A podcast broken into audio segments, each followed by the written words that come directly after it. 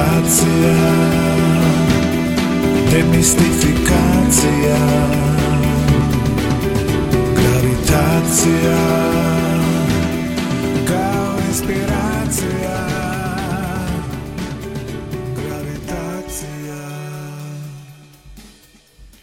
Pre deset dana posetio sam Fakultet dramskih umetnosti i na poziv katedre za menadžment, produkciju pozorišta i radija i kulture sa studentima razgovarao na temu lobiranja i spinovanja u javnom životu. Ja sam bio njihov gost tada, danas su oni moji. I Sofija Nađa Stanić i Arsenije Čavić u podcastu Gravitacija govore o svemu onome što ih pritiska i muči u našem društvu, kao i o tome zašto su danas studenti opet u prvom planu i na braniku demokratije. Hvala vam što ste gosti Gravitacije. Izvinite što vam uzimam deo pripreme za januarski ispitni rok, ali dobro, tako je vreme. Moje pitanje na početku, koliko ste godina imali kada je sve ovo počelo? Vratimo se na 2012. Hvala vama što ste nas pozvali. Pa u mom slučaju ja sam 2012. godine imala 8 godina i tačno se zapravo i sećam trenutka tog um, nekog brojanja glasova i kada je sve krenulo, mislim, ovaj, sa ovom vlašću, tako da otprilike od kad, za, od kad znam za sebe kao da sam potpuno svesna svog identiteta, društva oko sebe, znam za ovakvo društvo. Arsenije? Bolje vas našli, naravno, hvala na pozivu. Ovaj, pa 2012. ja sam tad imao 12 godina, možda nepunih 12 godina, dakle 11, ali stvarno se sećam kod da je juče bilo i tog, to što je Sofija rekla, tog brojanja glasova što je bilo na, na TV-u eh, kad je prevagnulo, jel, gde je prevagnulo, tako da da. Dobro, Ono- dakle, moje pitanje je bilo za otvaranje ovog razgovora da, ajde kažem, neki vaš vrednostni sistem i sve što se desilo formirano je u ovo vreme, dakle od 2012. Pa da. Za drugo i ne znate, izuzev preko literature, novina, uh, vaših roditelja. Kako gledate na današnji politički moment? Ja ne znam odakle da počnem i uopšte šta da obuhvatim, zato što mislim da smo stvarno u nekoj situaciji gde um, dosta čujemo mi i od kolega i od prijatelja da svako treba gleda svoje posla. Međutim, ja mislim da je došlo do te granice da ne smemo da gledamo svoje posla, odnosno, mislim, samim tim i to i jesu naša posla, tiče se svih nas, ovaj, ali trenutna politička situacija i sve što se dešava sa protestima, izbornom krađom, je meni nešto što nisam, mislim, mladi smo, nismo se nikad susreli sa sličnim stvarima, slušali smo tome od svojih roditelja, ali meni je ne- neshvatljivo i jednostavno nekako ne mogu da se pomerim s tim da je to naša realnost. Ko danas onda uspešno lobira studente? Sada kada govorimo o ovoj izbornoj krađi, to je uh, jedna tema koja je faktički gurnula u prvi plan studente i uh, lista koja je osvojila drugi broj mandata spori izborne rezultate, najagresivnije. Studenti su u potpuno odvojenom političkom procesu. Da li su vas predstavnici opozicije izlobirali za to? Na isti onaj način na koji je recimo vladajuća garnitura i Aleksandar Vučić sa studetskim karticama pokušao da uradi. E, Pa znate kako, ovaj, e, odgovor na pitanje, na, na to pitanje nije, nije onako, da kažem, e, toko jednostavan i direktan. Ovaj, definitivno, znači, ima mnogo uticaja, stvarno sve što se desilo u poslednje vreme, ali, ovaj, kako se zove, nekako e, masa studenta je sad, da kažem, stvarno odustala od, od svega.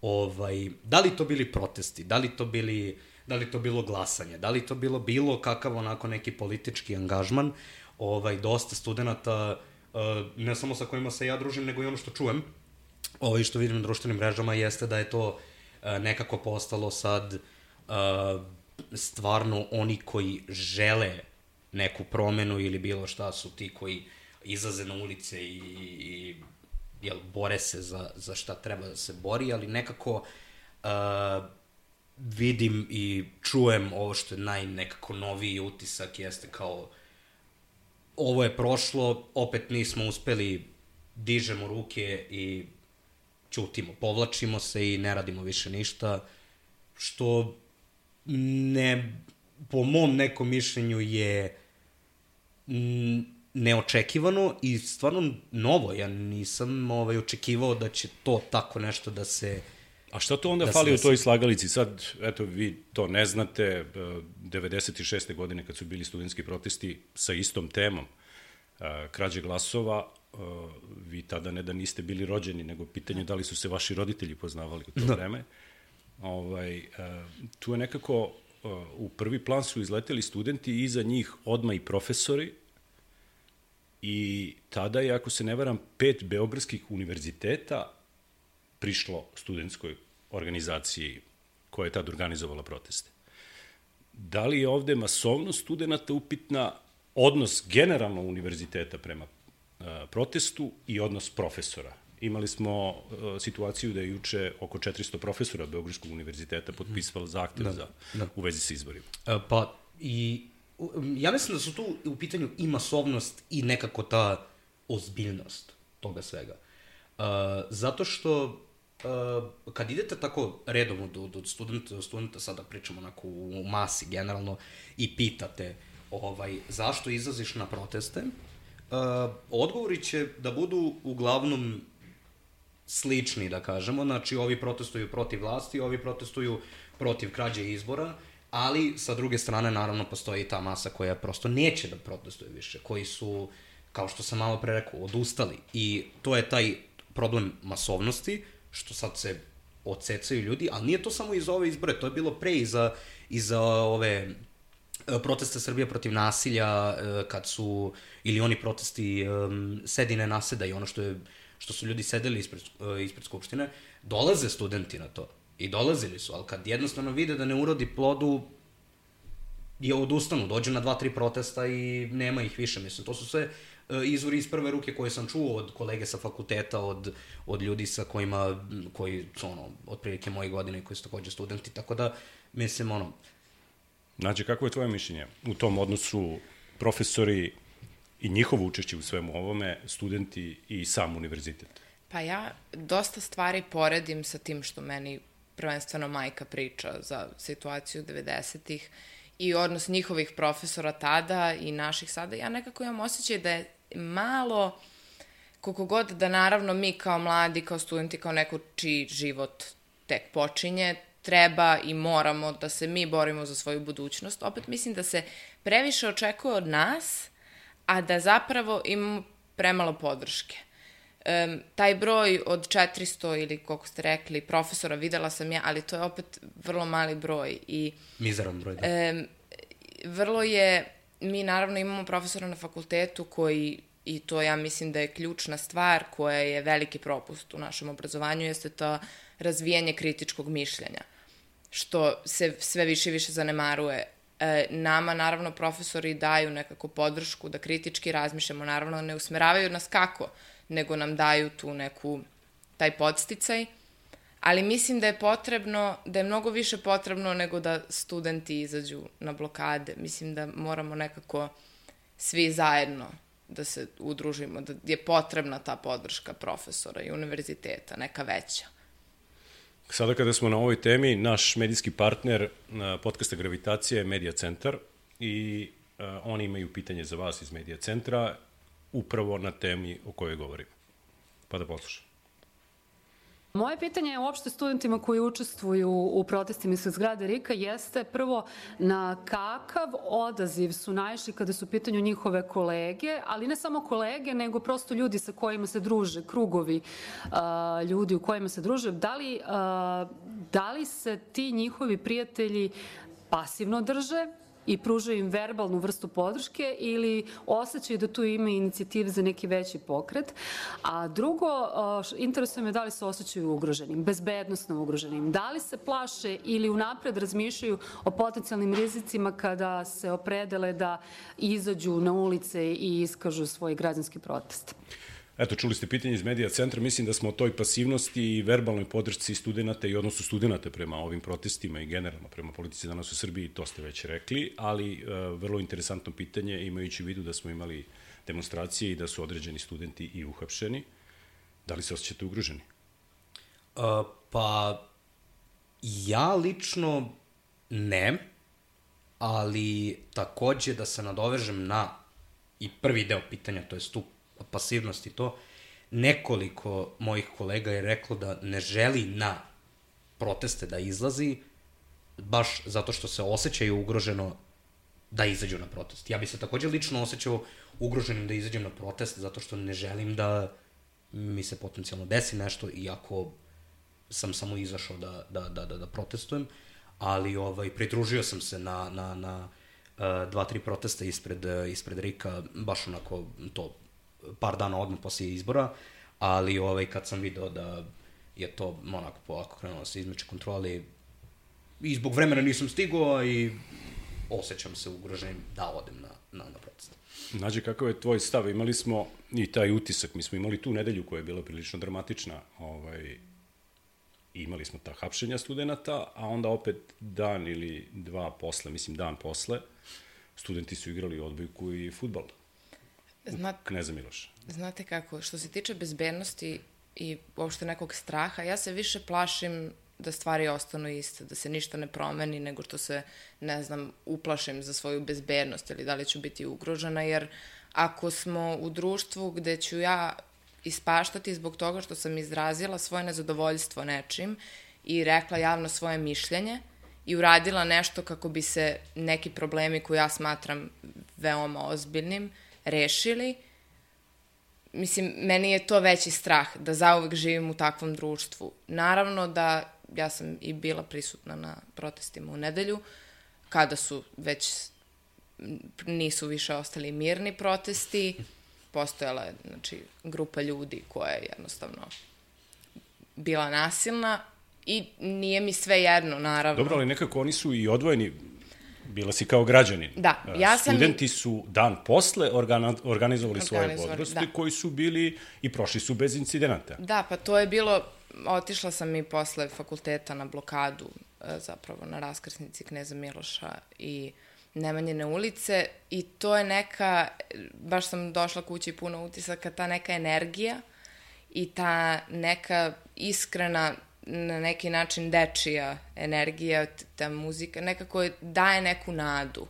Jer pored svega što se dešava, opet mi moramo da nađemo neku vrstu utehe sreće i prosto načina da ne razmišljamo o tome. Znači, kada su vremena ovakva kakva jesu i kada imamo takve probleme, opet nekako taj moment tog nekog okupljanja i uopšte sretanja na taj lep dan i igranja sport, mislim, odbojke, futbala je nekako meni bar pružio nadu i baš je nekako ličilo na nešto što bi trebalo da budu upravo studentsko neko okupljanje. Da, dobro, to smo rekli na početku našeg podcasta, možda je tu izostajala a, ta masovnost.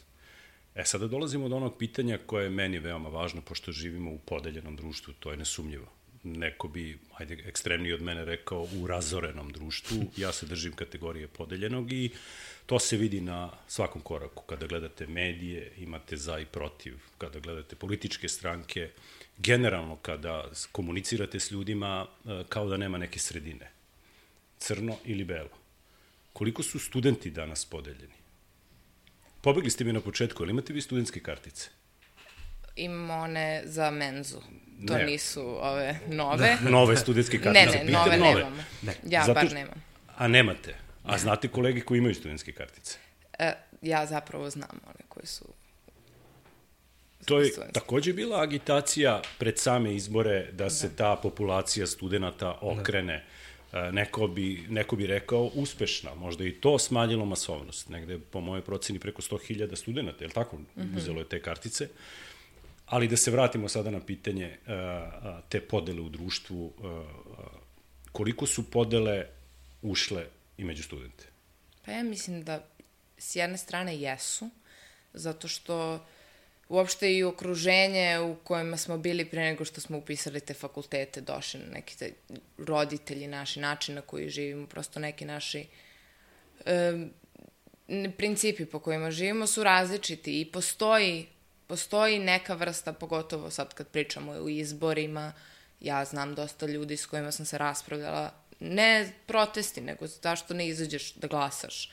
Ali um, ja mislim da opet ta podeljenost se opet svodi na tu neku... Šta su upravo... njihovi argumenti kad uh, pitaš nekoga zašto ne izađeš da glasaš? Jel, uh, onaj klasičan odgovor nemam za koga nemam za koga ili nisam zainteresovan. Jedan glas ne može, neće promeniti ništa. Ništa se neće promeniti iako dođe neko na vlast. Svi su isti, nemam za koga, ne interesuje me politika, što je po meni najabsurdnije. Pa za studente da. Da. da. Ima i, i ja sam jedan uh, ovaj argument čuo mrzi me da izađem da glasam. Mrzi me. To je sad već. Da. Znači ima veliki broj abstinenata kod studenta. Da. da. Pa ko je tu kriv? Zašto se te stvari ne promene? Političari, mediji, profesori, mm, porodica? Mislim da je najveći problem tu to, to masovno bacanje svih informacija u isto vreme. I to jednostavno pregreje se ta, taj mozak studentski u tom političkom aspektu i jednostavno se studenti distanciraju od toga. Znači, mislim da je to kad, kad gledate ovako ne samo televiziju, nego i portale, medije, sve, bilo šta, to su vesti za naprednu stranku, za ovu stranku, za onu stranku i sve to odjednom ovako nabacano i mislim da to tu stvori tu neku prvo konfuziju. Pa dobro, ali ja onda... mislim da studenti uh, moraju da znaju da odvoje, barem oni, bitno od nebitnog. Da. Mislim, sadržaj koji uh, usvajaju studenti uh, preko mreža, preko medija, je veoma važan. Da. Slažem se sa tim. E sada ostaje pitanje kako se studenti informišu. Kada sam govorio o podeljenom društvu, kada gledate medije, i mediji su podeljeni. Dakle, tu više nema, nema neke sredine, nema objektivnog informisanja. Kako se recimo vi informišete? Gde vi skupljate te informacije? Šta je vaša brana od suvišnih vesti ili lažnih vesti? Kome verujete? Pa, majci i uh, ba, ona ne gasi N1 televiziju, tako da mi ona prenosi u principu sve, ali od generalno, o kome verujem, kao svima verujem, ali samo ću ja da biram šta će na mene da utiče, a šta neće. A kako se ti lično informišeš? Jesu to mreže dominantne u tvom... Pa jesu, jesu, da. Jesu, da od... Čuo sam da sve veći broj mladih ljudi jednostavno ne gleda televiziju. Je to tačno? Pa ne, da, jesu tačno, ali postoje sad tu i no, dosta društvenih mreža, to jest na Instagramu N1 je postao veoma aktivan i na Instagramu i ovo, a i kako su portali na, na, na, na internetu, to jest web sajtovi, mislim. Nađa? E, ja takođe ne gledam televiziju, mislim, nikad ne uzmem sama da upalim televizor, nekad pratim neka bitna dešavanja kad moji roditelji prate, takođe preko mreža i portala, uglavnom isto da. N1, s tim što ja um, vrlo čak i tu stranu ne uzimam uvek zdravo za gotovo. Moja bilo kakva obrada neke informacije i zaključivanja upravo i funkcioniše tako što nakon prijema neke vesti ili nakon nekog saznanja upravo diskutujem s mamom, sa bližnjima o tome i trudim se da sama nekako zaključim i formiram svoj stav. Tako da, jer mislim da baš zbog te podeljenosti nema više te sredine i ide iz ekstrema u ekstrem i nema istine zapravo. I na pitanje kome verujem... Pa da, sama moraš da je pronalaziš. Pa da. Je, da, kakofonija informacija koja se danas dešava je najopasnije. U stvari onda ljudi ne mogu da se snađu i tu nastaju svi problemi. I odustanu. Ili se prepuste, ili nisu svesni toga da zapravo informacije koje, ne, koje dobijaju nisu istina. Uh, Tako da ja ne mogu da kažem da 100% verujem ni jednoj ni drugoj strani našeg takozvanog podeljenog društva, ali verujem u ljude u smislu neku dobrotu, da će ipak to i, i tu istinu, da će ipak pored svega što se dešava nekako to pobediti. Pa dobro, u kraj, mogu, mogu da zaključim da u krajnjoj liniji na ovu temu verujete sami sebi, verujete vašim očima, ono što vidite. Da. Pa da. da, da.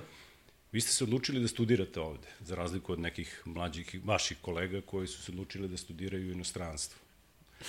E sad, da li je vaša odluka da studirate ovde i odluka da ostanete da živite u ovoj zemlji, imajući u vidu e, šta nas sve okružuje, šta nas sve čeka i šta smo sve ostavili i za nas i vi i vaši roditelji, ili su vam pasoši negde tu pri ruci i samo čekaju?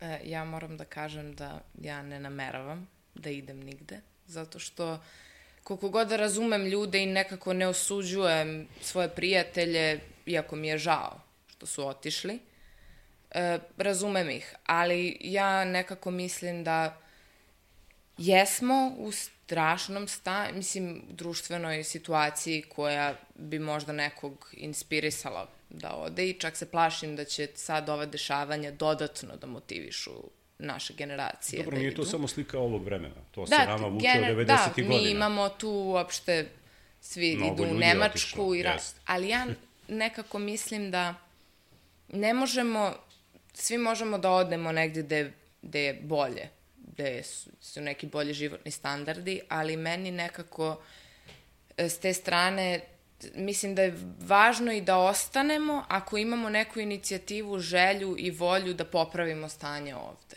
Ja, baš, mi smo znači, na katedri za management i produkciju pozorišta radija kulture i meni je cilj da u tom aspektu našeg društva, što je kultura i mediji, pokušam da napravim neku promenu. Jer je najlakše otići, a najteže zapravo ostati se i biti deo te borbe za promenu. Arsenije, Mislim da... da- da li deliš nađeno mišljenje? Mislim, ono očigledno pasoš čuva samo za mm. ovaj, turistička putovanja. E, mislim, moj odgovor će biti malo drugačiji od, od njenog, pošto sam Ti ja ipak studirao... čekaš zelenu kartu. Da, ja sam studirao pre ovoga u Nemačkoj i ovaj, pre nego što sam se vratio na, na fakultet dramskih umetnosti sam uh, proveo u, u, u Nemačkoj na, na fakultetu baš sa tim razlogom da, da probam da pobegnem, ali uh, pored sebe i svog ličnog iskustva poznam još nekoliko ljudi koji je takođe tako pokušalo da nađe taj neki uh, izlaz bežanjem u drugu državu, ali to je mnogo teže uraditi nego reći. Baš je ovaj teško ostaviti iza sebe sve. Sad ne moramo samo da gledamo na političke aspekte, pričamo o generalno Sigurno svemu, pričam, da, pa da.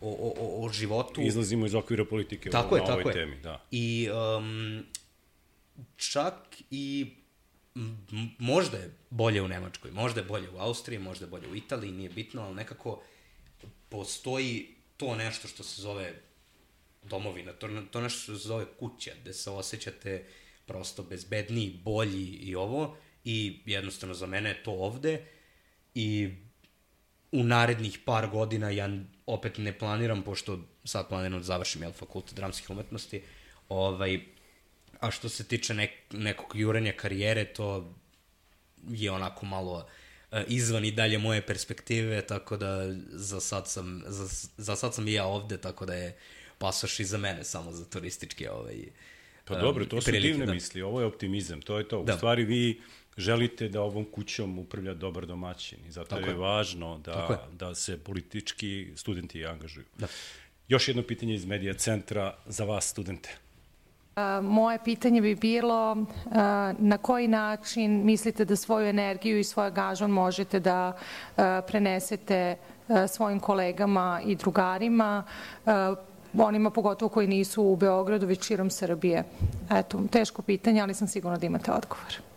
Čuli smo pitanje iz medija centra. E, Milana Berić je na kraju svog pitanja rekla da je sigurna da imate odgovor. I ja sam siguran pa da čujem. Uh, pa ovako, veoma je uh, teško pitanje, to je i, ona sama ovaj priznala. Pa nekako uh, veoma je teško da opet da se direktno odgovori na pitanje zato što usad svih ovih dešavanja koji su sad uh, ne samo aktuelna nego koje su aktuelna jel od, od 2012. Um, ljudi koje prosto ne zanima politika ne možete da im objasnite i da im pokažete sliku da se oni ono aktiviraju, da povećate angažman kod njih. Prosto, ako njih to ne interesuje, ako oni ne žele da se mešaju u ta posao, kako god loše bilo, nećete uspeti nikako da ih nagovorite. Za ljude koji su tu negde na nekoj klackalici, um, meni je, na primer, par puta uspelo sad pre ovih izbora, mislim par puta u zagradi jednom, da, da stvarno objasnim uh, drugarici jednoj koji je problem ko, koji je problem kod nas. I jednostavno kad onako Kako si to uspeo? Evo, ja sam drugarica. Objasni mi. uh, pa U, u najkraćim crtama. U najkraćim crtama, e, prvo sam krenuo s tim uh, uh, koliko dugo ovaj režim traje. S tim sam krenuo. To su ti Ovaj- ciklusi vlasti koji postoje u Srbiji Tako je, generalno na tako 12 je. godina i sad smo u 12. godini i ove vlasti. Tako je. I ovaj... Dobar ti argument. Prvo sam krenuo sa tim, to jest da se 12 godina ne menja domaćin kuće, jel? E, onda smo krenuli da objektivizujemo koje zakone su oni prekršili samo tim što su 12 godina tu i e, treće sam udario na, na onako malo e, emocije, a to je ovaj, kako se zove, da penzioneri, jel, uključujući njene, ovaj, njenu babu i dedu, ovaj, da oni lošije žive zbog loših penzija, jel, što je presečeno sve za, za onako loši standard života, gde je ona onako stvarno bila na ivici suza i gde sam, ja moram na kraju da se izvinim što sam bio tako direktan, ali rekao sam i da istina boli. I da boli, boli. Da si ti drugarica sad njegova ta koja sluša ovo, a bi te ubedili ovi argumenti? Pa bi, zato što ja mislim da baš zbog toga što smo mi opet neka generacija koja je to prešla već na telefone, ne gledamo televiziju, ne čitamo toliko novine, mislim štampane novine, da nismo, stvarno nismo svesni i mislim koliko nas lažu i mažu i koliko, su, i koliko manipulišu prosto u medijima i koliko se sve um, ništa nije nekako crno na belo, čisto da ste svesni neke informacije i da dobijete, mislim, naslovi sami se razlikuju od sadržaja. Pa to je to. Naslovi su spin. U Da, stvari, da, vi naslovi pročitate Pa da. naslov i imate I onda, tekst. I onda neko jednostavno nije svestan. Ja da sam drugarica koja nije informisana i koja stvarno nije imala igrom slučaja, da li sam možda učila, da li sam se bavila drugim stvarima, nisam shvatala ozbiljnost političkog angažmana i da mi je neko skrenuo pažnju na stvari koje sam ja propustila, mislim da bi definitivno me Arsenije ubedio i da bi izašla da glasam. Dobro. Nivo obrazovanja u Srbiji danas. Kakav im je? Jel opada, raste? Mm, Pa nivo obrazovanja, to jest titule, ja nisam primetio neku onako razliku, pošto prvo lično sam okružen stvarno samo studentima, ovaj, poznajem i neke ljude koji su odustali od fakulteta, ali nekako taj Pa mnogi imaju tezu da taj nivo opšte kulture iz godine u godinu polako nestaje. I gubi E, se prag. ali opšta informisanost, po mom mišljenju, ja mislim da pada. To stvarno, ja mislim da se onako menja kad pitate ovako ovaj, sve te neke stvari, pošto šta je na kraju krajeva opšta informisanost, to je ono što učite od prvog razreda osnovne škole do četvrtog srednje.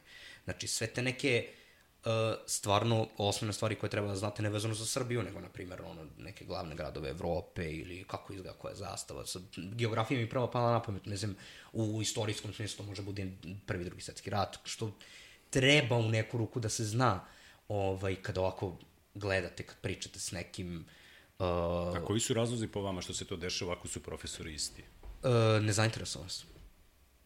To je jedna jedina reč koja, ja mislim, može da se doda tu nezainteresovanost i to je jako prosto, može da se doda replika šta mene briga kako izgleda zastava Belgije. Mislim. Da, nađe, na ako, de, ako deliš njegovo mišljenje, Ne potpuno. a ne potpuno, Zato što da. ne mislim da je samo nezainteresovanost. S jedne strane, da, jeste i uopšte, mislim, mi sami možemo da priznamo da i nama čitanje knjige postaje teže, jer smo navikli na tu brzinu, navikli smo na tehnologiju.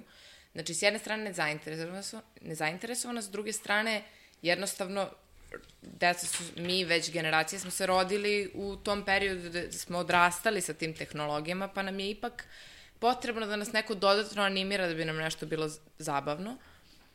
A onda i s druge strane, ja mislim da je problem nedovoljna motivacija profesora, koja opet ima veze sa celim obrazovnim sistemom, sa njihovim platama, sa vremenom koje oni uopšte mogu da posvete i željom i uopšte mogućnostima, gde nekako se zanemaruju se te stvari. Mislim, meni je stvarno, ja sam shvatila da su neke stvari koje ja mislim da su ključne i da ne možete ne znati nakon što, ne znam, završite srednju školu, ljudi nikad nisu čuli za njih. Tako da, ja mislim da nezainteresovanost, ali još to- mnogo to što faktora. Si, to što ti rekla nekako budi i tu nezainteresovanost. Na primjer, e, dobar profesor stvarno probudi u, u, u tebi nešto da, da ti naučiš taj predmet koji god, da je, koji god predmet bio.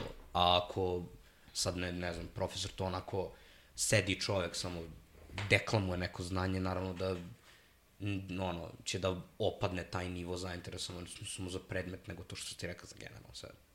Jedno čudno pitanje, koje bi tri stvari u državi promenili odmah da možete i da ste u prilici? Mislim, pričali smo o svim anomalijama, da li se oni tiču sada ovoga ili nešto drugo?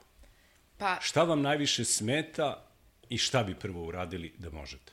evo, meni prva stvar koja me najviše zapravo nekako rastužuje svaki put kad pomislim, to je podatak da 24% našeg stanovništva je na ivici siromaštva, živi na ivici siromaštva. I ja nekako, prosto ta, kad smo pričali smo već o podeljenosti društva, ali ta, ta je podeljenost društva da vi ili ste ima, znači živite bez ikakvih, mislim bez ikakvih, bez, s minimalnim problemima ili jedva sklapate kraj sa krajem. Ja nekako mislim da su to toliko veliki ekstremi da to nije normalno. Dakle, prva stvar je briga države prema najugroženijima. Da. Druge dve, Druge, medijska pismenost, koja mislim da je jako važna. Ukrade mi stavku. nema veze. Ovaj- Ponovite se, pošto ukrala i meni. da. Pa to smo, baš smo spremali za prijemni prošle godine e, knjigu Medijska pismenost Jamesa Pottera i mene je to zapravo koliko god da sam znala neke stvari toliko inspirisalo da nastavim da prepričavam ljudima i da nekako dižem svest o tome koliko je to bitno, a niko ne priča o tom. Mi pričamo sad na fakultetu, ali u društvu, u školi, niko i ne samo mladi, nego i odrasli ljudi koji su i živeli bez tih medija, jako lako padnu pod taj uticaj, i, a nisu svesni uticaja. Tako da medijska pismenost definitivno I treća stvar, Hoćeš da preuzmem ja pre nego što se sećaš treće? Može. Hoćeš ali da... ti imaš samo sad jednu ili dve, pošto je E, ne, medijska ne, ja pismenost tri, treća. ja sam imao tri, ali sad ću da promenim, mislim, medijska pismenost mi je bila jedna, ali ja ću medijsku pismenost da zamenim za opštu pismenost. Ovaj, Da, da. da to, generalno, ja bih promenio taj, da kažem, obrazovni sistem tog nekog um, fabričkog učenja samo uh, dobar dan, danas učimo mitohondriju iz biologije. Su sledeći čas učimo to, sledeći čas učimo, znači da se promeni, da, da, da od, ajde ne, ne od osnovne škole, ali ajde da kažemo od prvog srednje, da krene stvarno sa nekim praktičnim radom i e, zaista interesantnim oblikom e, učenja. Ovaj, da, da, da već od prvog srednje i jel, srednjoškolci da mogu da se opredele odmah i za koji fakultet uh, koji fakultet bi hteli. Zato što mnogo ljudi u trećoj i četvrtoj godini srednje sad nemaju ideju šta će da upišu. I ako mali procenat zna, aha, ja ću da upišem menadžment i produkciju pozorišta na fakultetu dramskih umetnosti. Mislim, ljudi koji su se već opredelili za prvu, drugu ekonomsku ili medicinu u, u srednjoj školi, ovaj, oni su se već onako nekako razgranali na, na svoj interes, ali ove gimnazije i to, ja sam siguran da veliki procenat uh, srednjoškolaca do četvrtog srednje uopšte ne zna šta bi teli da upišu. I onda se Pa, dešava... pitanje je i kad završe četvrtu, da li E, znaju. pa da, i onda se dešava da upišu pravni ili ekonomski, ni- ništa sad protiv tih fakulteta, naravno, ali pravni ili ekonomski i onda posle bukvalno jednog semestra vide kao, Da, "A, ovo oni nije to." za mene, da, ovo nije za mene. Podržavam te, Da. opšta pismenost. Druge dve stvari. Druga, druga stvar, uh, uveo bi, ne uveo bi, nego ja bi se fokusirao na decentralizaciju u Srbiji. Ovaj, kao uh, čovjek koji je se sad vratio iz Nemačke i čovjek koji je odrastao u Nemačkoj, uh, stvarno decentralizacija u Nemačkoj i ovde, mislim, ovde u principu ne postoji decentralizacija, sve se nalazi u Beogradu. Znači, um, politička prestonica, ekonomska prestonica, industrijska, sve je u. Beogradu. Da, znači, ono, i da ne vidim nikakav problem da, na primer, neki sud ode u Kragujevac ili ne neka državna ustanova ode u Novi Sad. Dobro, i jaka lokalna samouprava. Da. Decentralizacija Srbije znači faktički da demokratija, što jeste, kreće od lokala. U- Tako se gradi država. U Nemačkoj, u Nemačkoj, u gradu od 300.000 stanovnika se nalazi Ustavni sud Nemačke. Znači, ništa Berlin, ništa Minhen, Hamburg, to je smešteno u gradu Karlsruhe u 300.000 stanovnika. Znači, to, od, to, to je nivo Ali decentralizacije. decentralizacija podrazumeva da i lokalnim organima date veće ovlašćenja nego što ih Tako je, trenutno imaju. tako je, da, tako da. je. Ali sve to spada pod, pod taj, uh, ono, izraz decentralizacije. Tako je. A, a treće, promenio bi, uh, da kažem, uh, ne, neću kažem medijske sadržaje bi promenio, nego bi promenio šta se servira ljudima na tacni. Uh, počevši od televizije, Govorimo o javnom servisu ili o nacionalnim frekvencijama? o, o svakoj, o, o svim frekvencijama. Mm -hmm. Govorimo, znači, ovo javni servis i to znamo kako jel to danas izgleda, ali uh, promenio bi uh, do, sam sadržaj medija, znači, naravno ukinuo bi da postoji koliko, devet, devet reality show-ova, mislim, to izmiče svakoj kontroli, ali bi uveo edukativne programe koje mi nemamo. Znači, kad gledate ovako uh, A dužni su da imaju. Du, da, da, da, da.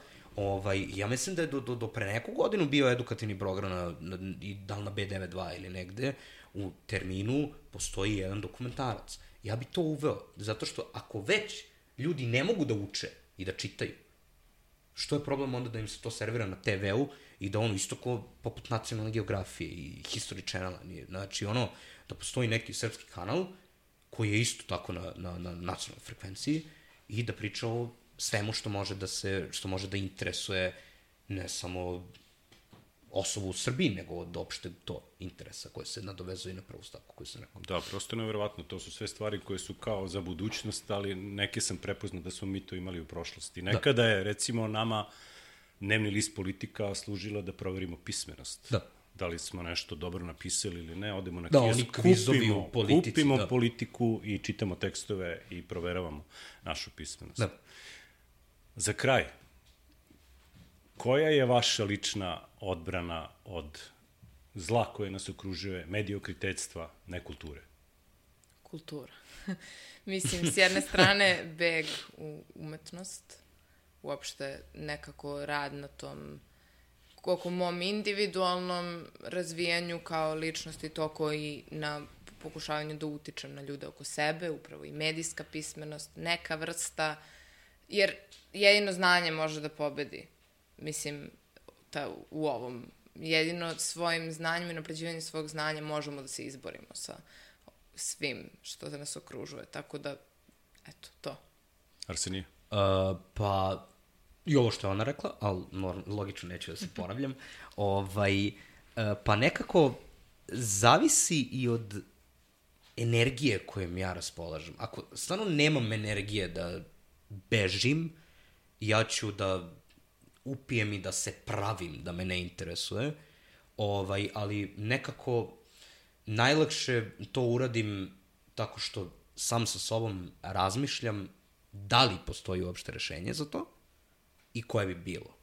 I onda nekako osjećam tu neku ličnu satisfakciju kada stvarno dođem do rešenja, da, da, da, sam, ako dođem do rešenja, onda se nekako ja dobro osjećam i da li ću ja podelim ja to rešenje sa nekim, vršnjacima, kolegama, nije bitno, ali uh, ovde osjećam mir ako ja na nešto nađem, da kažem, onako rešenje problema.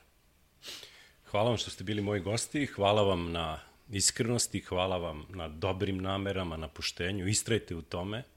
Nadam se da ćemo nekad sedeti i da će neke ove stvari koje ste poželili da se u Srbiji dese, da se dese vrlo Nadajmo brzo. se. Nadajmo se. A, izvinite još jednom što sam uzeo dragoceno vreme za pripremanje ispita u januarskom roku. A vama koji nas pratite želim uspešnu godinu koja dolazi, dobro zdravlje i čiste misli. Hvala vam što verujete u gravitaciju i nadam se da vas je naša sila privukla. Mi ćemo biti uporni i tu za sve one pametne, talentovane i duhovite ljude koji imaju šta da kažu. A vi samo budite svoji, slobodni, hrabri i strpljivi. Pre ili kasnije, sve stvari će doći na svoje mesto. Gravitacija Demistifikacija Gravitacija Kao inspiracija